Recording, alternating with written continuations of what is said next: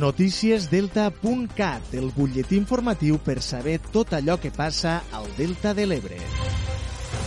Nou acte incívic amb un abocament de deixalles a Camarles. L'Ajuntament de Camarles ha tornat a denunciar a través de les seues xarxes socials el besament de deixalles il·legal a la mateixa zona de Lleure dels Pinets, al camí del polígon, en un acte incívic on fa poc més d'una setmana i es van produir uns actes d'igual característiques. L'Ajuntament de Sant Jaume d'Enveja atorga tres habitatges de lloguer social. El passat 9 d'agost es van signar els contractes de lloguer dels habitatges provinents del conveni de col·laboració entre l'Ajuntament i la Societat de Gestió de Procedentes de Reestructuració Bancària. Els habitatges han estat atorgats mitjançant un anàlisi tècnic de les sol·licituds presentades i la corresponent puntuació atorgada pels serveis socials municipals.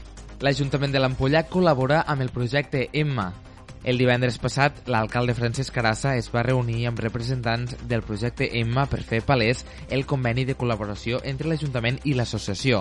El consistori ha fet un donatiu per un valor de 500 euros per al projecte, el qual investiga el càncer de mama. Aquesta xifra, a aquesta xifra se li suma la quantitat de 220 euros que correspon al tercer premi de l'Ironcat 2021.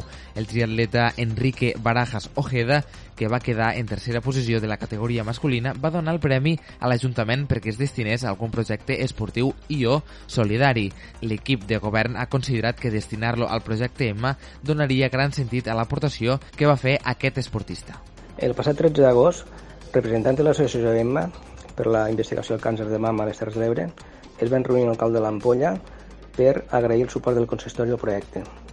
El govern local va otorgar una subvenció de 500 euros a l'associació, a què se'ls ha de sumar 220 euros als que el tercer classificat de l'Aeroncat va renunciar per destinar-los a obra social i o promoció de l'esport. Des del govern municipal es va decidir destinar-los a l'associació EMMA, complint així la voluntat del triatleta Enrique Barajas Ojeda. Des de la comissió, la comissió organitzadora de l'Aeroncat i des del mateix consistori volem agrair públicament la seva desinteressada donació. Esperem seguir col·laborant en el projecte EMMA liderat des del territori per al territori. Del Tebre engega el procés de participació per decidir on invertir els diners de la festa major.